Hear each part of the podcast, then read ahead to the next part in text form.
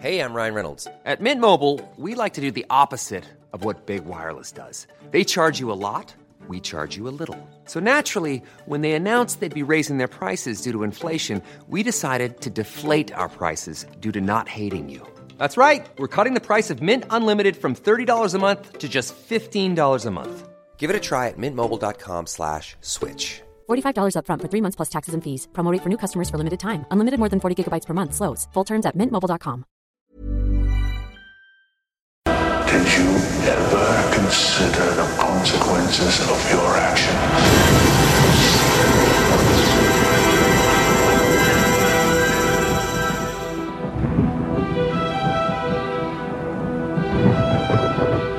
My name's Justin Kurzweil. I'm the co-host of The Hysteria Continues and the webmaster of Hysteria Lives and the author of Teenage Wasteland, aka the slasher movie Uncut. And you are listening to Shrek Filmen Shrieken. Välkommen till eh, skräckfilmscirkeln. Och idag så plockar vi fram nål, tråd och människodelar. När vi tar oss an Mary Shelleys Frankenstein från 1994.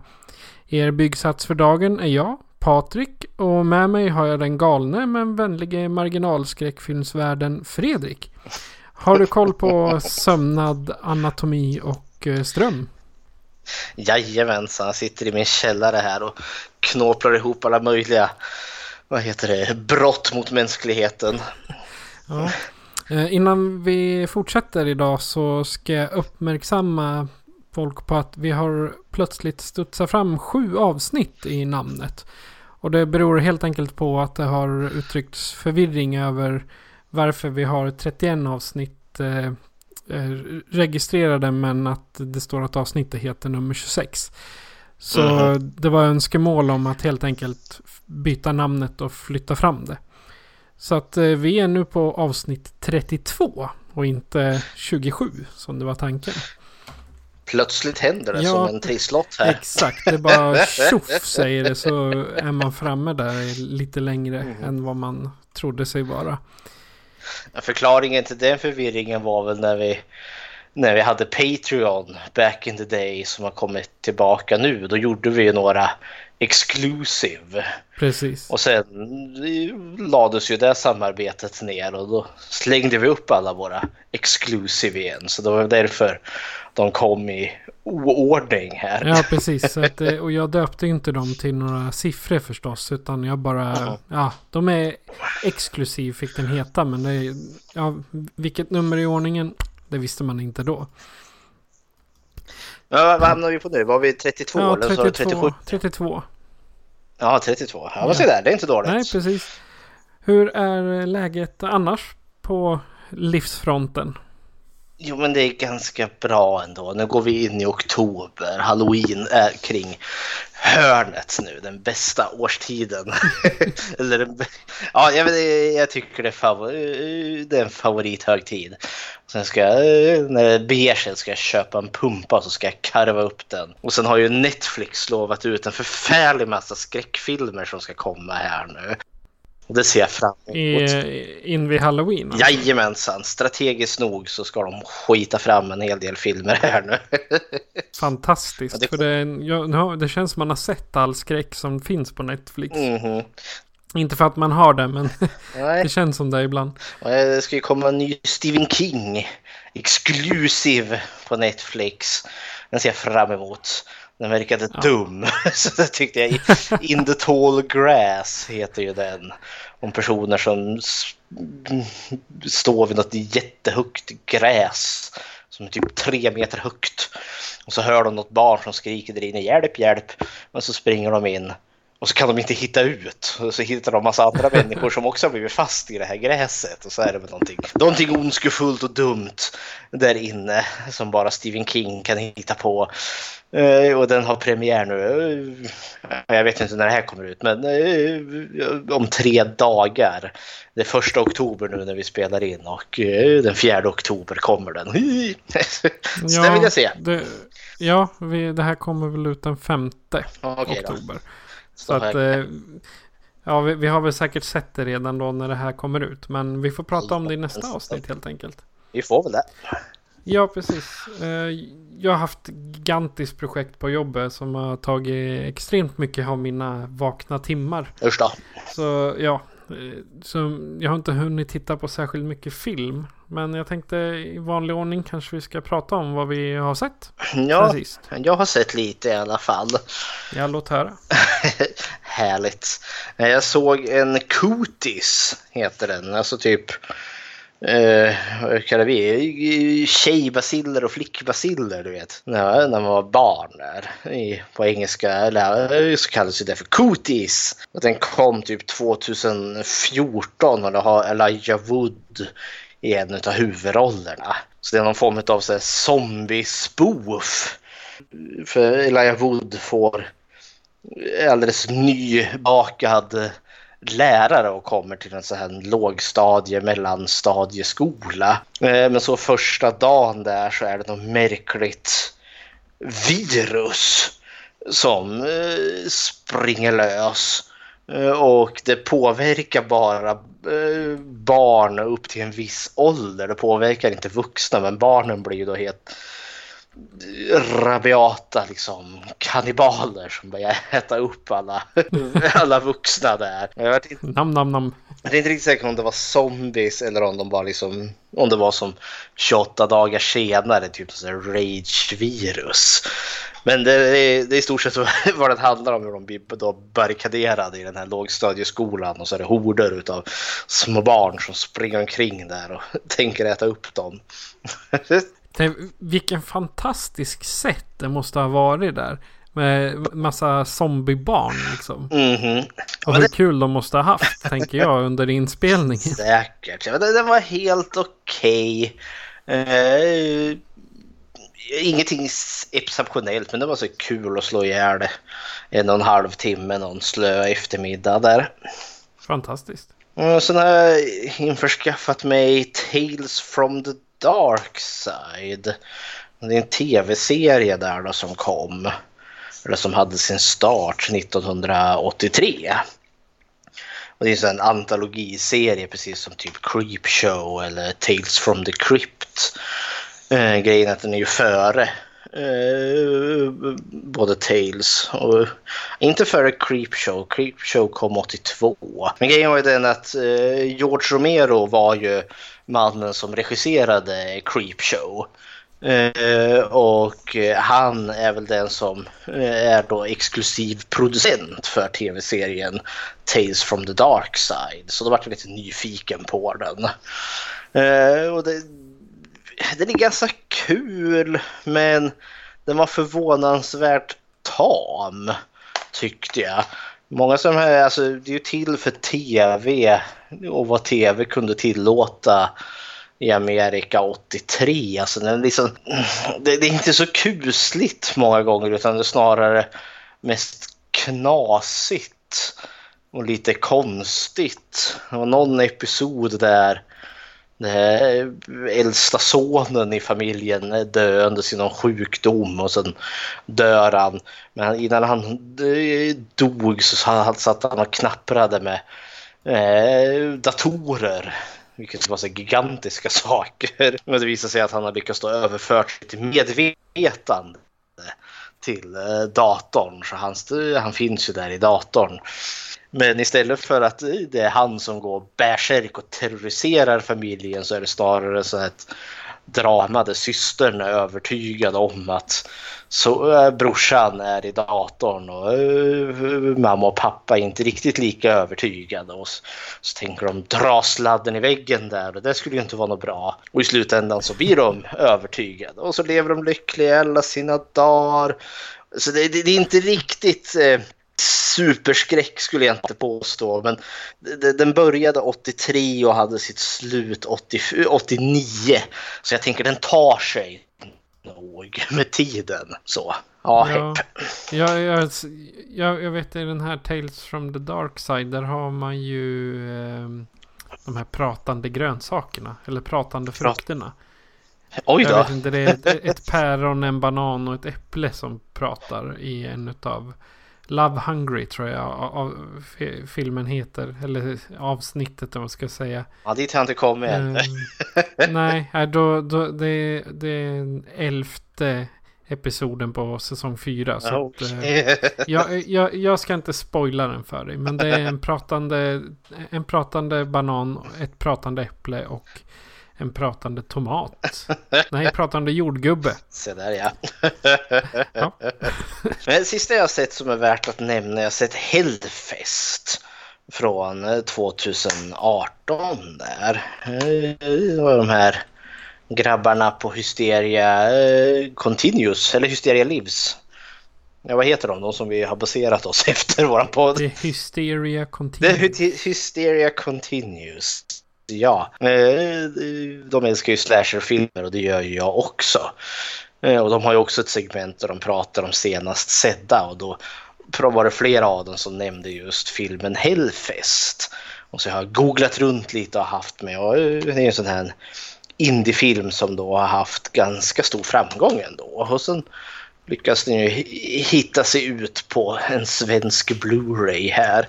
Och då la jag ju mina eh, tentakler på den och införskaffade mig den. Och den var väldigt underhållande. En riktigt så bra eh, slasher och både liksom hommage till den gamla 80-talet och samtidigt sin, sin egen eh, film. För det är inte sån här fantastiskt liksom, eh, on, eh, vad heter det, djupdykning i 80-tals nostalgi utan den utspelar sig liksom i, i vår moderna samtid. Men har lite de här klassiska vibbarna utav en tidig 80-tals slasher.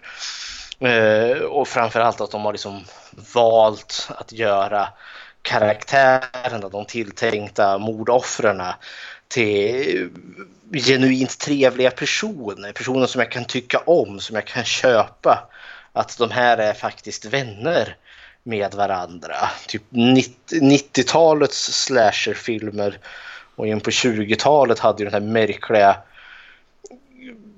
förmågan att göra alla karaktärer till så rysligt otrevliga. Så man kan liksom inte förstå varför umgås de med varandra. Det var väl lite så här liksom för att ja, men, eh, man skulle typ heja på, på mördaren. Men här kör de verkligen så att jag, jag, tycker om karaktärerna och jag vill se dem överleva. Vilket gör att när de blir mördade en efter en där så, så känns det. Plotten är då som så att det, Halloween står runt hörnet och det finns en sån resande eh, attraktion, karneval som då går under namnet Hellfest. Som då eh, slår upp sitt eh, stora eh, tivoli eh, som har då ett skräcktema. Eh, lagom eh, ja, till halloween där då. Och just eh, det här året har de slagit sig ner i den här staden och det här kompisgänget be, eh, beslutar sig för att ta sig dit. Eh, så bara det är kul i sig för det, liksom, det är fullt med personer som springer omkring liksom, i skräckutstyrsel och de går liksom i så här lustiga huset fast det är liksom typ skräckkabinettshuset och, eh, och sådana saker. Men så visar det sig att en utav de här maskbeklädda skådespelarna är ju inte en skådespelare utan han det är ju en ja, någon galning som av någon helt oförklarlig anledning har beslutat sig för att det här kompisgänget, ja de ska mörda allihopa. Och så ryker de en efter en. Ja, den var väldigt bra och slasher-entusiasten i mig vart väldigt nöjd och glad och tyckte att ja, det, det slasher-genren står sig än. Man kan producera nytt och kul.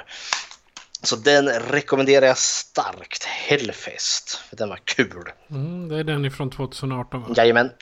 Det är relativt eh, okända skådespelare i den. Eller okända och okända. Det är, de är inte de här jättestora. Nej. Om man bortser från Steven Conroy. Han var ju med i Black Panther och Ant-Man. Oh, ja. Men eh, annars så är han ju inte sådär. De andra har jag aldrig hört talas om. Eh, när jag tittar på deras IMDB så finns det inte så mycket. Nej, men det är precis som en... Ut.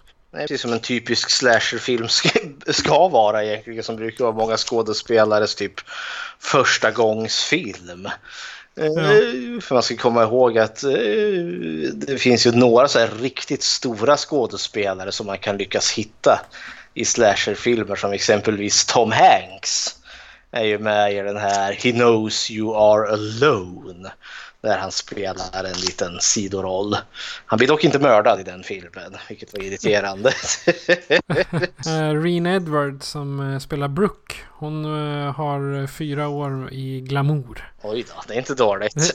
Nej, precis. Det är stort. Nej, men det, det, är lite en del i det där också för det som var de här bra slasherfilmerna var ju att vi hade de här okända skådespelarna som hade kanske gått runt på, eh, ja men som i glamour då, liksom i tv, eh, eh, såpabranschen eller stått på eh, teaterscenen och nu får möjligheten då till att göra en, en film. Eh, och för då, då märker de också att då går de ju också in med det här seriöst. Och det här känns också som att regissören till den här har liksom ett genuint intresse eh, till den här typen av film. Och då, då blir det bra, tycker jag. Ja. Enda liksom stora kända namnet där det är ju Tony Todd dyker upp och det är ju Candyman. Eh, Och han dyker upp på en liten cameo där som någon läskig eh, talkshow-host. Typ Baron Samedi-karaktär som står och säger läskiga saker på en scen. ja, Jag- får väl ta tillbaka det där lite att de är relativt okända för hon som spelar Taylor, Bex Taylor Klaus, hon eh, hade huvudrollen i Scream-serien. 23 avsnitt gjorde hon som första karaktär. ja, se där. Det är inte dåligt. Nej. Har du sett något mer? Nej, det är vad jag har sett som är värt att nämna den här gången. Och det, det enda som är värt att nämna för min del det är eh, White Zombie med Lucio Fulci som vi kollar på i Nej. skräckfilmscirkeln. S- Nu eh, måste du tänka till här. Det var Nej, in... inte Lucio Fulci. Vad så dum vem, är vem är det jag tänker på? original Dracula. Precis. Du kommer inte på vad det heter. Det är. Nej, Bela nej jag blandar ihop dem. Bella Lugosi. Ja. Jag vet inte, vad fasen fick jag Lu- Lucio Fulci? Nej. Ja, jag ber om ursäkt där uppe i himlen. Såklart det var Bella Lugosi. Ja. Ja. Men den, det är enda filmen som har med skräck att göra som jag har sett de här senaste två veckorna. Däremot har jag spelat lite mm, Playstation och då har jag spelat Fredag den 13 spelet. Mm. Alltid lika roligt att hugga ihjäl Är det- tonåringar. Är det fortfarande folk som kör det? För det är så ett online-spel. Ja, jag spelade offline så man alltid får vara Jason. det är förstås. Ja, sen har jag stoppat tillbaka GTA nu i... i jag hade det borta ur konsolen ett tag men nu har jag installerat om det igen. Och nice. nu ska jag ut och slåss på gatorna i Los Santos. Härligt. Ja, eh, temat är Frankenstein Mm. och Vetenskapsmannen och Monster. De finns i fler filmer än den vi ska diskutera idag. Jajamensan. Eh, Ska vi ta några exempel? Ja, alltså vi hade ju Dracula här innan och det är ett sånt där filmmonster eh, som har figurerat i väldigt många olika adaptioner. Och Frankenstein är väl kanske om möjligt ännu mer, eller åtminstone de två monstren delar nog samma plats kanske på att ha blivit filmatiserat mest. Men jag skulle nog hävda att kanske Frankensteins är väl som karaktären och monstret är väl kanske den som har filmatiserats mest men också mest långt ifrån sitt källmaterial där man har tagit sig mycket större friheter eh, och spunnit iväg på Mary Shelleys historia. Eh, mer än vad man kanske har gjort på Dracula men det finns bra ivägspacade filmer där också.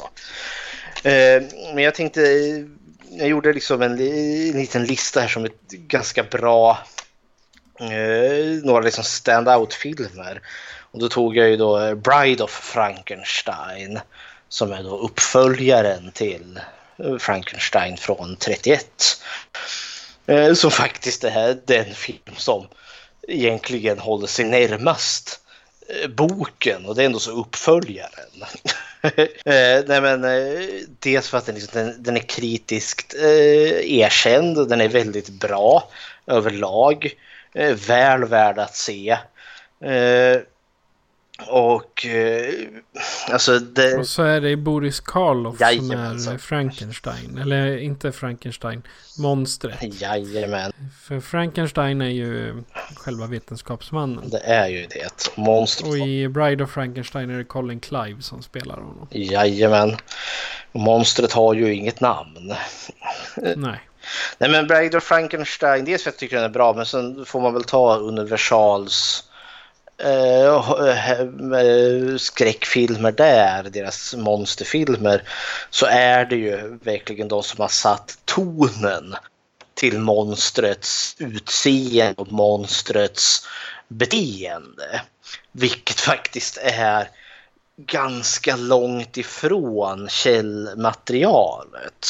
För, för det är nog det som de flesta liksom tänker på när de ser, eller när de hör ordet liksom Frankenstein och ser sig monstret är det här liksom det här stora stumma eh, monstret som liksom klumpar fram och liksom eh, är liksom lätt förståndshandikappad nästan liksom som på sin höjd kan liksom lära sig att eld är farligt och oh. Medans monstret i Mary Shelleys bok är ju verkligen en, ja vad kan man kalla den, övermänniska. Han är jätteintelligent, han är jättestark, eh, han är liksom, han kan spela eh, flöjt, han är väldigt smart och överlägsen oss människor på alla sätt. Medans de, det är liksom den filmvarianten som alltså oftast finns av honom är har man bara behållit hans enorma styrka men inte hans enorma intellekt. Ja, så tycker jag Bride of Frankenstein är väl värd att eh, se och självklart alla universal horrorfilmerna också.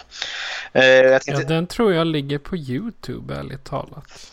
Jag ska bara titta så att jag inte, så att jag inte ljuger. Det är sådär som man får betala för.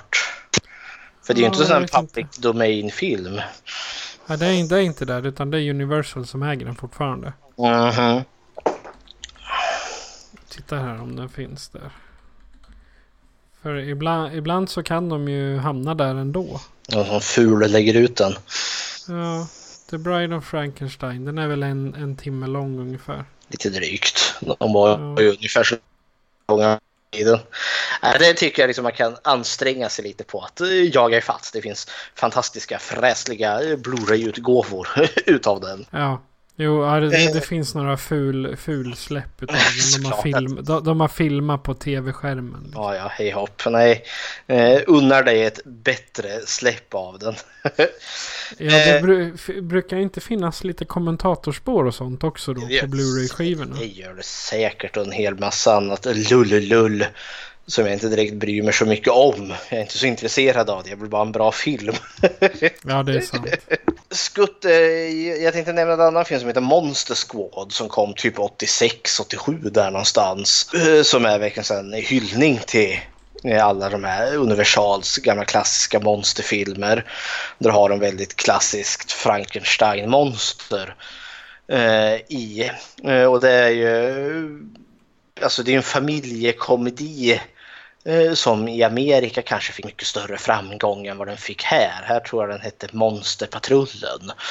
Eh, plotten där är ju liksom att du har nästan alla klassiska monster. Du har Dracula, du har Mumien, du har Frankensteins monster, eh, du har Varulven och du har The Creature from the Black Lagoon. Fast de hade inte rättigheten att kalla han det så han heter The Gillman. Eh, och de kommer ju då till en stad för Dracula har någon ond plan, någon ond profetia som nu ska uppfyllas och så blir han, kan han bli då eh, jättemäktig och så kan han styra hela världen. Och där har du ju då ett klassiska Frankenstein-monstret där som eh, blir eh, vän med barnen där sen och hjälper, då, eh, hjälper ju dem då att besegra Dracula i slutändan där. Eh, för jag tänker det är också den här liksom, Drak- eller Frankenstein-monstret har allt som oftast varit det monstret som har varit mest barnvänligt på något vis och vänster. Ja, för han, eh, han är liksom inte, han äter inte folk. Han eh, river dem inte, han biter dem inte. Nej. Han är, egentligen så är han ju bara en missförstådd bebis. Så han är inte ute efter att döda folk utan han gör det bara för han vet inte bättre. Ja, man i- kan se det så i de filmerna. Ja, i de här gamla filmerna. För kollar man ju till, till boken och den filmen som vi ska se, då mördar ju monstret väldigt medvetet. Eh, och eh, där mördar han ju också barn. Så han, han gör skäl för namnet monster. Ja. Eh, ett annat bra exempel tycker jag, och det är väl liksom...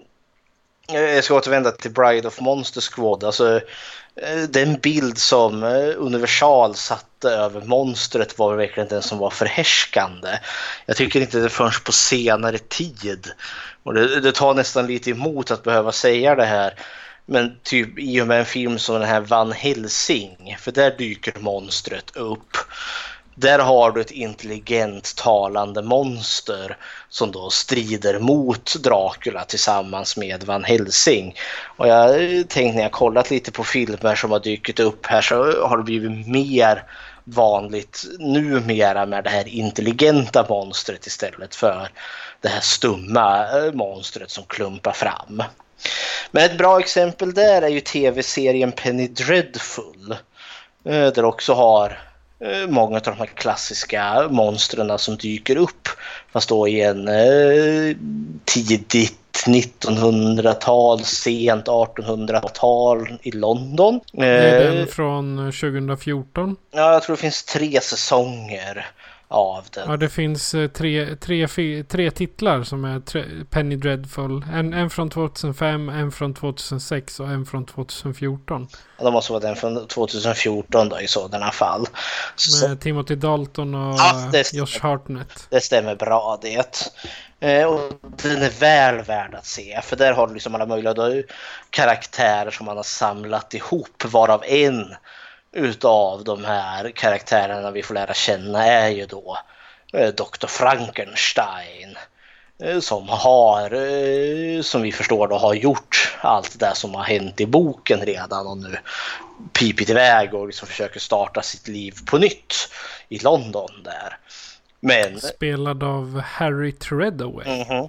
Men monstret eh, finns ju fortfarande kvar och dyker upp och ställer till det lite för honom kan man väl milt säga.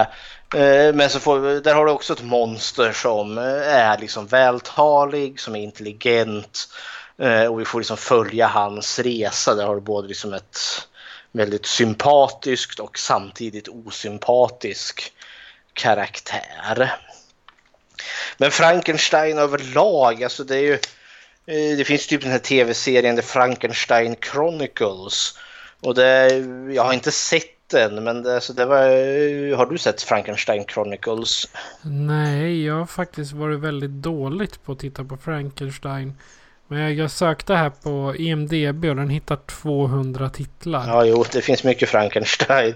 Ja. Men Frankenstein Chronicles, det, det vet jag inte, jag är osäker om ens det finns monstret med där. Utan det är snarare att du har den här professorn, och, för det är väl en typ som seriemördarthriller om jag inte har tolkat den fel där man hittar lik i Themsen då som har blivit ihopsydda eller förädlade på något vis och vänster. Att man mer kanske spinner på den galna vetenskapsmannen istället. Och så har du ju sådana här, ja, helt fantastiska skitfilmen I Frankenstein. Som då utspelar sig ja, hundra år efter liksom, i modern tid Frankenstein monster som då får namnet Adam i den här filmen kommer tillbaka till modern tid och finner sig då eh, att eh, blanda sig i det stora kriget mellan gargoyles och demoner. Vilken röra. Ja, och så finns det ju någon film som heter Frankensteins Army som jag för mig är liksom någon variant på någon sån nazi-zombie-film. Där, liksom, där du har en ond vetenskapsman har för mig, som då har knipplat ihop eh, supersoldater med hjälp av eh, likdelar. Och då fick du Frankenstein. Och så har du ju typ det som vi glömde nämna förra gången, Andy Warhols Frankenstein. Andy Warhol gjorde ju även eh, sin Dracula där. Eh, som i den varianten har du en eh, Frankenstein som ska skapa liksom den perfekta eh, människan. Och det är verkligen så här en riktig eh, Adonis eh, man med blont svallande hår och som bara dryper sex genom hela alltihopa. Och det är, det är ja, mycket mer fokus på det sensuella i de filmerna och kanske på helt och hållet fel sätt eftersom att Frankenstein i den filmen är övertygad om att det enda sanna sättet att älska en annan kvinna med det är ju då att itka samlag med henne i hennes, vad är det, gallblåsa tror jag det är. ja, vilket hans assistent tolkar lite fel och springer omkring på landsbygden och sliter upp bukarna på eh, skrikande kvinnor där när han försöker våldta dem. ja, det, det, är Eddie Warhols Frankenstein. Och så har du ju Hammer Horror Frankenstein serie, så jag tror det är typ fem eller sex filmer som då fokuserar på eh, vetenskapsmannen eh, spelad av Peter Cushing som då i varje ny film skapar ett nytt monster. Och sen alla hemskheter han gör. Så hade vi en som heter typ Victor Frankenstein. Som kom för inte allt för länge sedan med Daniel Radcliffe. I en av huvudrollerna, alltså Harry Potter. Och James Aha. McAvoy. Jajamän. Många, många stora namn Ja. i den casten. Eh, twisten där var väl liksom att det, det ska vara liksom Frankenstein-berättelsen sedd ur assistenten Igors perspektiv. Vilket Det är kul att se Daniel Radcliffe som Igor. Ja. Fast, eh, I det här fallet är han ju inte Igor Igor. Utan han är ju någon form av... Hur ska man säga? Han, har, han har en puckel i början på filmen och sen eh, hjälper eh, F- Frankenstein honom med det problemet. Eh, Det, det är lite synd egentligen. För då är han ju inte Igor längre. Nej, det är inte det. Och det. Och det också som är lustigt här. Det här är ju liksom... Det finns ingen Igor i originalberättelsen. Han, Dr. Frankenstein har ingen assistent överhuvudtaget. Men ja, så mycket Frankenstein finns det. Där man antingen fokuserar på monstret som i början var det här stumma liksom klumpedunsen som var snäll innerst inne och liksom fick bara möta människors eh, oförstånd och, och drabbades av lynchmobbar. Eh, och sen har det väl gått över till idag då vi har liksom mer intelligent monster som kanske mer har gått och blivit actionhjälten som i I Frankenstein eller så har vi där man mer fokuserar på eh, professorn eller professorns vetenskap med att sätta liksom liv i, i dött materia. Så eh, ja, när det kommer till Frankenstein så finns det en jäkla massa, vilket jag inte tror Mary Shelley i sin vildaste fantasi eh, trodde det skulle bli när hon satt och knåplade ihop det här i, mm, vad var det, Schweiz, back in the days. Nej, det tror inte jag heller. Men eh, frågan är om hon hade velat se det så som vissa av filmerna är idag. Nej, gud nej. Det tror jag inte. Det är inte den bild jag har av henne. För hon var en väldigt intelligent kvinna och många av de här filmerna är inte intelligenta. Jag tror hon skulle ha uppskattat den royalty hon hade fått, om inte annat. Oh ja, garanterat. Ja, kära värld. Nej, ärligt talat, jag själv föredrar faktiskt de svartvita adaptionerna Mm. som är, de är äldre. Det är med Karloff. Mm. Det är mina favoriter om det, man prompt ska titta på Frankenstein. Sen kan jag tänka mig, nu har inte jag sett den här Victor Frankenstein med Radcliffe och dem. Även om filmen kanske inte är sådär superbra. Den har bara 6,0 på IMDB. Men eh, även om inte den är bra så kan det ju vara så att den är lite närmare boken och har något spännande i sig i alla fall. Gud nej, det, det, den är inte alls nära boken för fem öre den filmen. Nej okej, okay, då, då, då slänger vi den. Tänk, tänk dig ungefär Frankenstein möter The Avengers. Ungefär. Aha, det är liksom en riktigt så superhjältefilm med hollywoodianska stora explosioner och hej vad det går. Ja, men det, nej, då, då, då, struntar vi i den. Det, det, det, är absolut inte värre än Van Helsing. Så det, den går väl att se helt klart. Så, men det är väldigt långt ifrån källmaterialet. Ja. Och när vi ändå pratar om eh, monstret så mm. varför inte ge oss hän till historiken? Som ja. du kanske har koll på? Ja, jag har knaprat ihop lite här om Mary Shelley som sagt, eh, eh det, är fascinerande egentligen hur det, liksom det hon har skapat har liksom blivit eh, någonting liksom mycket större i sig själv. Och så, och så är det ju med eh, typ Bram Stokers Dracula också. Det han skapade har liksom fått ett liv av sig självt och liksom tagits upp av en ny generation. Och det är mer troligt att eh, liksom den Frankenstein och den Dracula som vi känner till är säkert mer präglad utav filmens värld än själva originalberättelsen.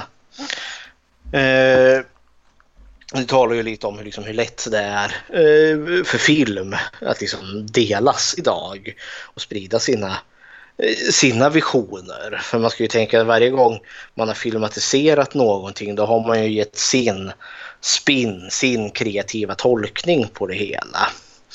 Men Mary Shelley då som är skaparen till detta. Nu ska vi se, ska vi se, ska vi se, ska vi se. Hon är född 17 1997 i London.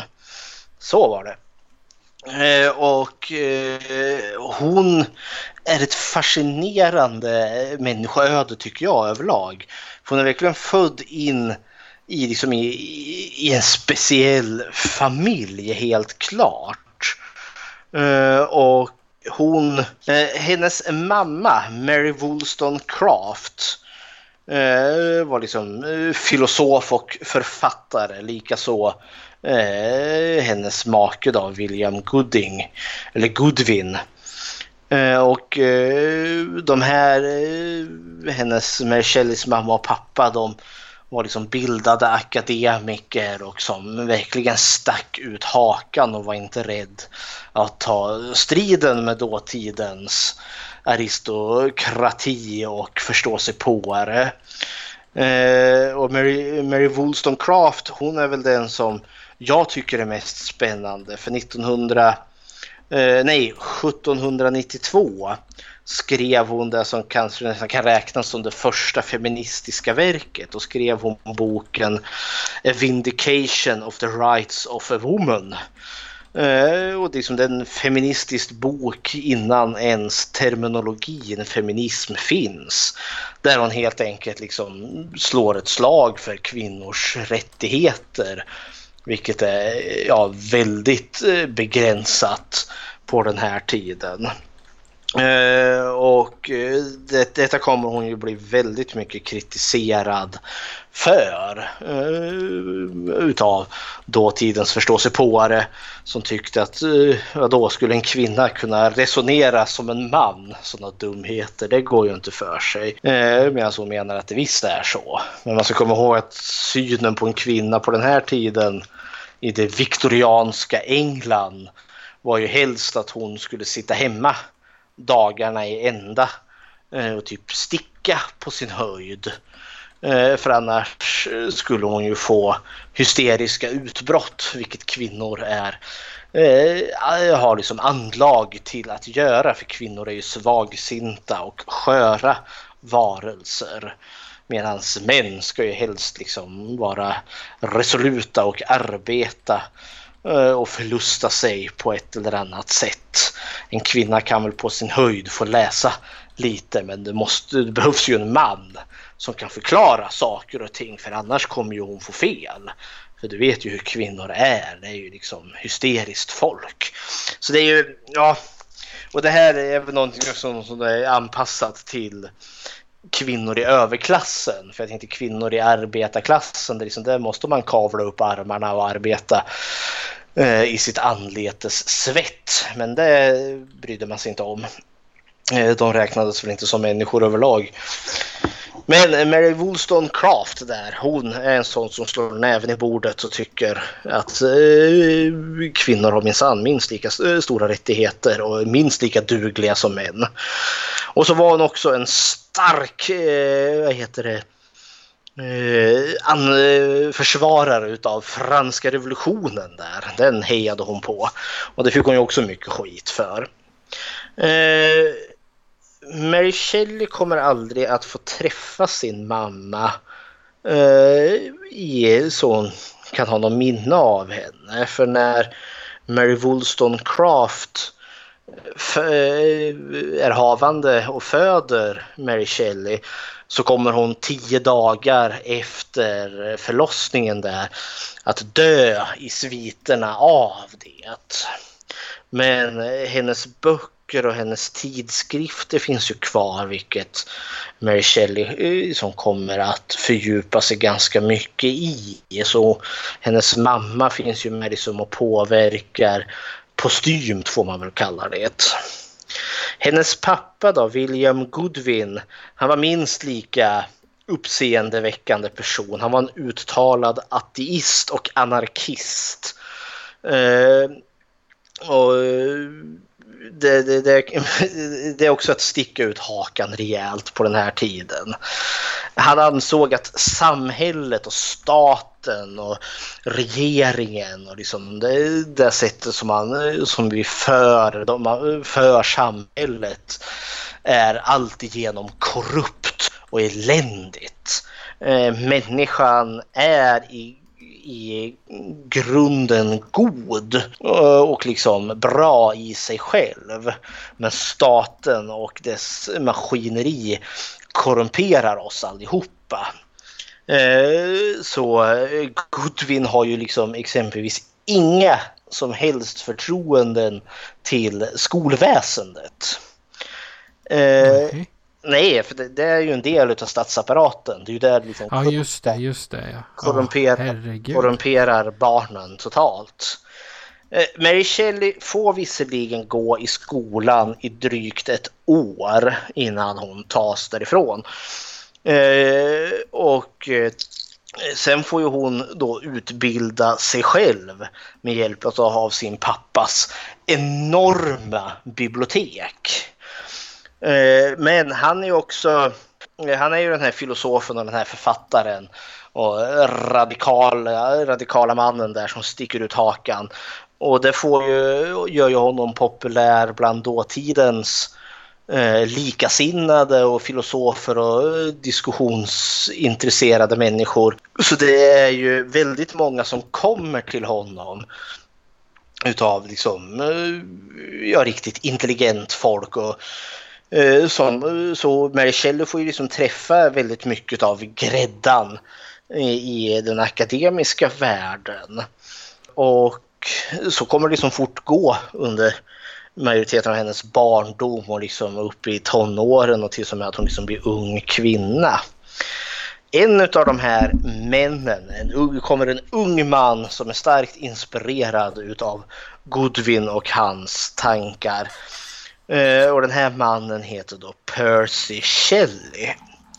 Eh, och eh, Percy Shelley och Mary Shelley, nu ska man väl komma ihåg att hon hette väl Mary, Mary Goodwin Craft. Eller Mary Craft Goodwin. Så hon hette ju inte Mary Shelley på den här tiden. Var det inte Woolcraft hon hette till och med? Ja, Mary Woolcraft. Ja, det, hennes mamma heter ju Mary Wollstonecraft. Och så, okay. så är ju hon döpt efter sin mamma. Eh, men som vi förstår här, när Percy Shelley kommer in, hon kommer ju ta hans efternamn senare. De ser varandra djupt i ögonen och eh, det slår gnistor om dem.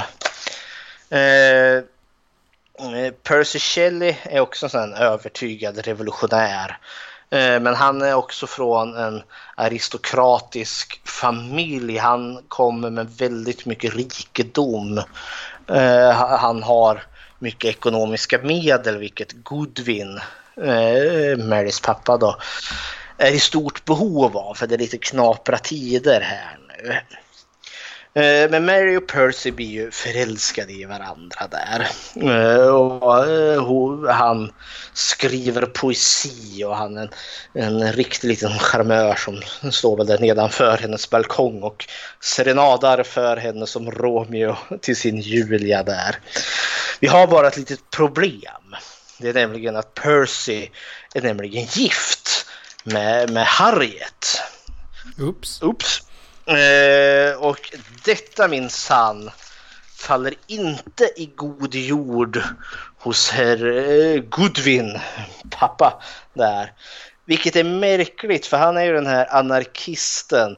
Han, eh, han, eh, det finns liksom skrifter bevar från honom där han liksom äktenskapet är bara på. Usch! Så som eh, eh, eh, liksom sättet för staten att kontrollera människan och hennes moral. Och sen när, hennes, när hans dotter då går och blir förälskad i en redan gift man, då vänds steken helt plötsligt. Det går inte för sig, han är gift. ja, sen, är, sen är ju frågan där om det är samhället eller om det är, eh, vad ska man säga, eh, hans eh, samvete. Alltså han tar på sig hennes samvete. Ja, jag tänker att det, det är enkelt att vara kanske lite radikal när det inte är så nära en själv och plötsligt har du det i hemmet. Och sen reagerar man kanske annorlunda. ja, sak samma. Eh, de eh, struntar i honom eh, och så Eh, rymmer de så romantiskt tillsammans. De tar sitt pick och pack och så sticker de till Frankrike. Eh, och nu befinner vi oss kanske 1814 där någonstans. Eh, och då hör du ju till, alltså Percy Shell är ju ganska rik. Så, så de lever ju inte svårt så. 1815 eh, har då Mary Shelley. Jag kallar henne för Mary Shelley. Hon är inte gift ännu. Men för enkelhetens skull. Eh, 1815 då blir hon gravid med Percy då. Eh, eh, och hon får, och de får då en dotter tillsammans. Men den här dottern kommer inte att överleva eh, födelsen. Så den avlider redan där och då. Så det är ju jobbigt värre. Eh, året därefter så har hon blivit havande igen och då föder hon då sonen William. Eh, och eh, de flyttar då till eh, Percys eh, herrgård eller chateau eller vad man nu kallar det i Genève nära, eh, nära en stor sjö där. Eh, detta blir för mycket för Percys fru Harriet där som eh, har väl varit med på den här resan. Alltså det är ju inte som att de har varit direkt hemliga och liksom eh, gömt sig i buskar. Eh, utan det har varit ganska öppet allt det här och Harriet känner väl sig väldigt åsidosatt. Så pass att hon tar sitt liv här samma år som de får sonen William. Percys fru tar livet av sig eh, och det resulterar i att eh, Percy och Mary gifter sig ungefär en månad senare och då är hon då officiellt Mary Shelley. Eh, eller Mary Wollstonecraft Shelley tror jag är det namn som hon väljer. Året därefter så publicerar hon sin första skrift som då är en reseskildring över deras liksom, tripp till Frankrike och sen i Genève. Eh, tiden här som de nu spenderar med varandra eh, så träffar de ju alla möjliga spännande individer, fritänkare och filosofer och konstnärer och allt vad det är. Och en av de som sticker ut är ju då Lord Byron. Och han var väl känd för sina vilda sexuella äventyr. Han hade liksom gjort en eh, Eh, person av att vara den här skandalomsusade mannen. Eh, så det är liksom han, Lord Byron och Percy Shelley de polar ganska rejält med varandra. Eh, och rika och belevrade som de är så har de ju massa roliga fester. Och Mary är liksom med i det här gänget för det är liksom ett kompisgäng får man väl kalla det, bestående av fyra män och en kvinna. Då då Mary Shelley är den här enda kvinnan i den här inre cirkeln. Eh, vilket är väl lite nydanande även eh, för sin tid här. Och de sitter och eh, liksom läser en massa berättelser och liksom de tävlar i sitt författandeskap, i sitt dikterande mot varandra. Och så någon stormig natt får Lord Byron en lysande idé att de alla ska skriva varsin spökhistoria för att se vem av dem som helt enkelt är bäst på att få blodet att isa på varandra. Eh, och Mary är den som eh, beskriver att hon, hon kommer att kämpa lite med det här. Hon tycker det är svårt Eh, och komma på någonting bra. Men sen har hon en mardröm när hon drömmer om en ung student eh, som står böjd över ett operationsbord där det ligger en eh, död person under ett lakan och han är omgiven utav märklig utrustning. Eh, och till sin fasa i mardrömmen där så inser hon att personen under det här lakanet på operationsbordet, han lever. Eh, han har fått liv där på något vis och vänster. Och det här är ju då inspirationen hon får då till det som senare blir Frankenstein. Och hon är väl drygt 19 år här tror jag när hon skriver det här. Och utav de här spökberättelserna så är det ju bara hennes som har bestått tidens tand. Vilket vi kan väl kanske komma fram till att de här andra spökhistorierna de sög väl skit antar jag. Eh, 1818 kommer boken att bli publicerad för första gången. Och då är den väl då bara publicerad i namnet Shelley. Eh, Kvinnor fick väl inte nej, ha de, de statusen? Nej, jag, den statusen heter det. Det går ju. Jag tänkte hennes mamma publicerade ju sin den här eh, kampboken. Eh, men det är ju jättemycket svårare att liksom få någon att vilja publicera Eh, en bok om det är en kvinnlig författare. För eh, den allmänna, liksom, alltså kvinnor eh, tänks inte högt om. Man liksom omyndigförklarar ju kvinnor ganska rejält på den här tiden. Året efter, 1819, då kommer eh, deras son William att dra på sig sjukdom så pass att han faktiskt dör. Och detta är ju då ett förkrossande slag eh, när hennes då fyraårige son eh, ja, går under. Men året efter, alltså 1820 då, så får hon då sitt tredje barn. Som eh, är då sonen Percy Florence. Och han är då det sista barnet de kommer få tillsammans. Men han kommer också att leva till vuxen ålder, tack och lov för det. Eh, men tragedi är ingenting inget ovanligt i Mary Shelleys liv. För 1822 då är nämligen hennes man Percy Shelley ute och far Eh, med några vänner i sin båt ute vid kusten någonstans i Italien. Och där hamnar de i sjönöd. Och det går så illa som så att båten går under och samtliga ombord drunknar. Eh, så hon har då gått och blivit änka vid en ålder utav 24 år. Eh, hon kom aldrig att gifta om sig. Eh, för hennes kärlek till, till Percy var väl så stor. Men det kommer tyvärr leda till att hennes ekonomi kommer bli en evig kamp hädan efter. Hon får ju ärva lite utav Percy. Eh, men här är väl också en del i det orättvisa systemet som är att kvinnor får väl inte ärva hur som helst.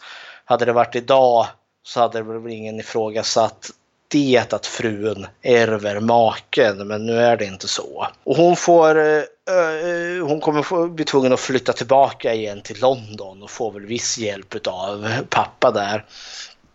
Uh, jag tänker hennes barn då? Ja, ja. Borde inte de vara intresserade av att hjälpa mamma liksom? Uh, jo, alltså, han är ju så pass ung så jag menar han är ju typ tre år när Percy dör. Ja okej, okay, ja, ja. Då, då så. Han, han, kanske hjälper mamma men inte på det viset. Nej, och hon är väl enbart eh, tack vare honom som hon faktiskt orkar stå ut och leva eh, vidare för hon kan liksom fokusera på honom. Eh, men hon får väl ett litet del, något litet arv från Percy där och sen överlever väl hon knapphemligt på den litteratur som hon ändå så själv liksom kan ge ut. Hon kommer att skriva fyra böcker till. Men i mångt och mycket så renskriver hon och ger ut sin makes eh, redan skrivna dikter och verk. Eh, eftersom att hon själv har så svårt att få eh, saker och ting publicerat i eget namn. Men ingen av de här fyra böckerna till som hon skriver kommer nå i närheten så stor framgång som hennes första Frankenstein. Men värt att notera att en av dem som heter The Last Man som kom 1826 skulle kunna poneras vara lite av den första postapokalyptiska berättelsen. För det handlar nämligen om eh, hur en pestsmitta eller någon sjukdom slår ut i stort sett hela mänskligheten och så har du bara en ensam man kvar där i en värld bestående av döda människor liksom precis överallt. Vilket är lite... Det, då, då tänker jag The Last Man on Earth mm. eller I am Legend. Ja, typ sådär. Det, det finns liknande kittlande tankar liksom som första zombieapokalypsen men du har ju inga levande döda i den. Men då har ni åtminstone en första liksom, tidig postapokalyps. Eh, Ja, som sagt, hon får kämpa resten av sitt liv eh, med ekonomin och det finns inte så mycket mer att rapportera kring henne. 1850 dör hon eh, i sviterna utav en hjärntumör vid en ålder utav eh, 53. Hennes verk däremot kommer ju att leva vidare och det är ju då Frankenstein framför allt. Och den eh, tar ju sin spin eh, på teater och på Broadway. Eh, och eh, senare så hoppar det ju in i filmmediet. Och värt att notera att den första Frankenstein-filmen är gjord av ingen mindre än Thomas Edison och gjordes då 1910 eh, i hans lilla filmstudio Eh, han rivaliserade ju med bröderna Lumière när det kom till att göra film. I slutändan var det ju Lumière som vann den kampen. Eh, den finns att hitta på Youtube, en sån typ 10-8 minuter, 8-10 minuter lång liten historia. Där ni kan få se filmhistoriens första monster, eh, Frankenstein-monster då. Och 1931 så kommer ju då Universals eh, Frankenstein med Boris Karloff som då sätter tonen som kommer nästan vara förhärskande över eh, berättelsen och framförallt synen på monstret. Men det är väl liksom Mary Shelley i korta drag. När jag satt här tidigare idag och knåplade lite kring detta så såg jag att det kom en trailer som heter då Mary Shelley. Det visade sig att det kommer en film här nu om Mary Shelleys liv. Det är faktiskt väldigt, väldigt, väldigt fint. Fast det, det är bara 140 år för sent. jo, förvis. Men jag tänkte hon är väl en sån där som har liksom plockats upp. Hon och hennes mamma här, liksom, det, var, det var starka kvinnokaraktärer i en, i en tid i, här i västvärlden då liksom kvinnans roll var enormt nedtryckt. Men de här, liksom, både hennes mamma och Mary Shelley själv kunde liksom visa på att, liksom, att nej, men vi är minst lika liksom, duktiga och dugliga och kanske rent av bättre än alla de här männen som liksom pöste omkring på de här universiteten och liksom eh, kunde visa liksom, eh, man måste inte vara man för att skriva en berättelse. Jag menar, det, hur bisarrt och dumt är inte det? Och jag har faktiskt läst hennes bok Frankenstein. Jag läste den i samband här när jag eh, gick igenom Dracula. Och jag måste villigt erkänna att eh, hennes bok är faktiskt genuint intressant och bra.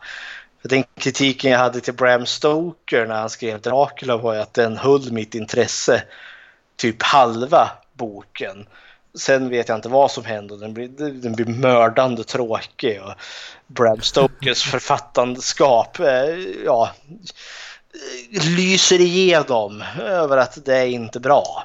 Medan Mary Shelley, hon är genuint intressant. Hon är en bra författare tyckte jag. Uh, vi, vi, vi, vi, som vid unga ålder utav 19 år. För den är liksom både spännande, intressant och djupt filosofisk. För det är verkligen en resa både den här liksom Dr. Frankenstein och monstret gör. Det, ja, det, och det finns djup och bottnar i den. Ja, det, det eh, väldigt bra. Eh. Ja, alltså jag kan ju tänka mig om det är x antal män som har gett ut eh, böcker eller historier eller vad det är som deras fruar har skrivit. Ja, det, det skulle inte förvåna mig. Alltså, det, ja men som man ser med Mary Shelley, hon har ju... Jag, jag, jag har inte läst hela boken, jag har läst en del. Men jag menar, hon är ju alltså, i högre klass än Stephen King. Och då är Stephen King ganska erkänd. Mm -hmm. än så, ändå. Men jag menar, just... Eh, det här med kvaliteten. Mm.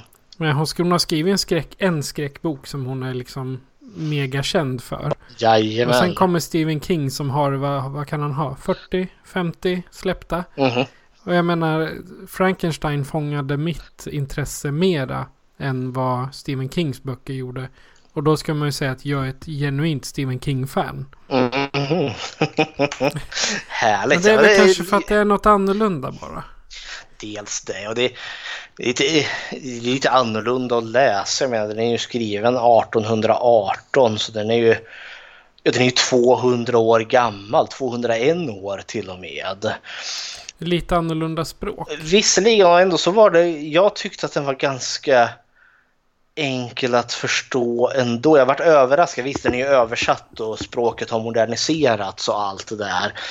Men ja, nej, jag, jag, jag tyckte den var genomtänkt och väldigt liksom härlig. Visserligen eh, jag, kanske inte skulle återvända till Stephen King, jag kanske har enkla liksom återvändningsvärde men bok, eh, Mary Shelleys bok var ju lite sådär som har lämnat mig med lite, lite tankar kring för det finns ju liksom bottnar i den. Är liksom är Dr. Frankenstein en alltigenom god människa eller en alltigenom ond människa? Är monstret en ryslig kriminell ond varelse eller är det samhället som har skapat monstret? Uh, och liksom, ja, uh, det finns många bottnar i den som jag tycker om. Och i, i boken så får vi mycket mer inblick i, i monstrets uh, värld. För monstret mördar ju faktiskt en hel del personer ändå. Eh, men vi närmare slutet i boken så får vi en lång monolog från monstret. Där han liksom beskriver att de här morden som han har begått har han liksom inte begått med, med glädje utan han har gjort det med stor sorg. Eh, och där finns det också som jag upplever med boken, liksom den kritik till både Frankenstein, doktorn och monstret över, över hur rysligt egoistiska de är egentligen. Ja. ja, liksom monstret behöver kanske inte ta ut den här rysliga hämnden som han behöver för det är väldigt mycket jag, jag, jag, oh, mig, mig och mitt. Eh, Och jag är så försmådd så det är inte klokt och jag ska ha min hämnd vilket resulterar i en massa oskyldiga människors liv. Men, Åh vad synd det är om mig. Ja, verkligen. Eh, och det är synd om honom också. Men han nyttjar ju verkligen, eller han använder ju verkligen sin, sin sorg eh, för att liksom göra ont medvetet. Och sen har vi Dr. Frankenstein själv som är så jäkla villig att liksom vilja skapa liv från, eh, från död. Och när han väl gör det, när han väl har skapat det här livet, då är han inte villig att ta ansvaret för det. Innan var det liksom, nu ska vi, nu ska jag kläcka livets gåta, ingen mer ska behöva dö, ingen mer ska behöva lida. Och han kan klara av att skapa livet, men han klarar inte av att ta hand om det. För det första han gör är ju att överge monstret. Han blir skrämd utav monstret och tycker att det ser äckligt ut. Och så springer han därifrån och lämnar ju monstret. Alltså det är ju som en det är ju en väldigt klassisk bild av liksom den här eh, farsan som lämnar familjen. Eh, dumpar barnet med mamman och sticker men det här gör han ju inte ens det. Han, det finns ju ingen mamma att ta hand om monstret utan han dumpar ju bara monstret och hoppas att det, ska dö av sig självt. Och så kan han två sina händer där. Ja, kära någon. Eh, det, det finns bottnar här helt klart. Man, alltså man, man kan ju diskutera boken ur både underhållningssynvinkel men sen också alla dessa, säg, inte undertoner men eh, vad, vad allting kan symbolisera. Det är som du sa, det här farsan som sticker. Det kan ju också vara att det är jättetrevligt att göra barn men att ta hand om dem. ja, Nej tack. helt klart. Nej, vilken idiot som helst kan skapa ett barn men det krävs en, en riktig man eller en riktig kvinna att ta hand om ett barn. Precis. Så, ja, hepp! Ja, ska vi skutta över till filmen? Ja, det, alltså det var en, en intressant genomgång du hade där. En liten crash course på Mary Shelley här. Ja, exakt. Och vill man, eh, vill man veta mer om henne då, då ska man ju se filmen som kommer sen. Den kommer väl i år, kan jag tänka mig. Ja, jag tror det. Jag ska, ska jag titta här när, när den kommer. Mary Shelley. Där, nej, den är, den är två år gammal. Den kom 2017. Say what? Ja, så den, den, den finns att få tag i på nätet eller på någon Blu-ray eller någonting. Jag har inte letat upp den själv, men Nice. den finns ju garanterat. Så, och jag hoppas ju innerligt att den visar på hennes liv och inte bara på hennes sätt att komma fram till Frankenstein. Mhm. Det, är min, det är min förhoppning. Så den, den ska jag försöka leta upp och se någon gång. Bara, Nice. bara sådär. Ja.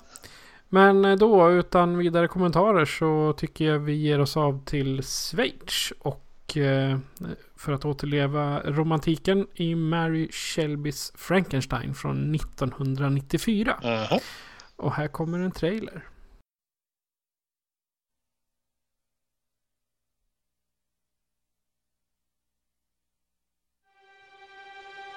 No one need ever die. I will stop this. No, you can't achieve death. We won't know unless we try.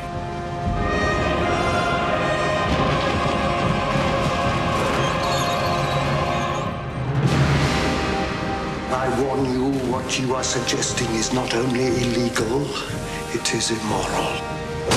What's happened to you?